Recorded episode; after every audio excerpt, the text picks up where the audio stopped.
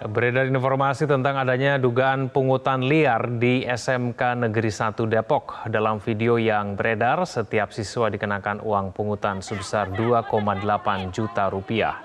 Dan inilah suasana ketika para orang tua siswa keberatan terhadap pungutan dari pihak sekolah.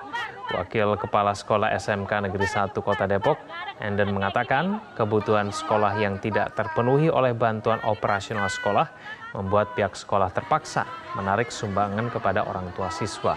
Enden juga menegaskan pungutan ini bersifat sukarela. Pihak sekolah sudah berupaya mencari dana corporate social responsibility atau CSR ke sejumlah perusahaan, namun belum membuahkan hasil. Akibat kekisruhan yang terjadi, anggota Komisi D DPRD Kota Depok, Ikrafani Hilman, mendatangi SMK Negeri 1 Kota Depok yang mengatakan kedatangannya terkait dengan dugaan praktik pungutan liar di sekolah ini. Kegiatan akan disesuaikan dengan biaya yang ada.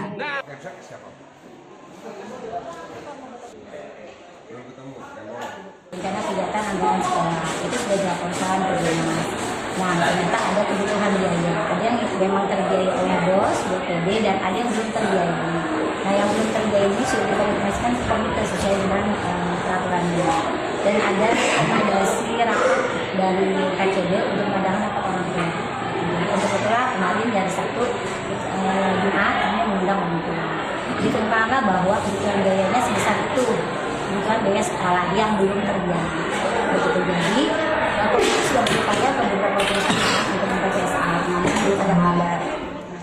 Nah, ini mesti saya sampaikan juga kepada seluruh orang tua siswa bahwa tidak ada sumbangan yang sifatnya wajib dan mengikat. Tapi bahwa ada kebutuhan sekolah, ya betul. Sehingga sumbangan itu bersifat sukarela. Ya. Dan saya tadi sudah digaransi bahwa tidak ada tidak akan ada implikasi atau akibat terhadap uh, proses belajar mengajar siswa ya, terkait dengan sumbangan.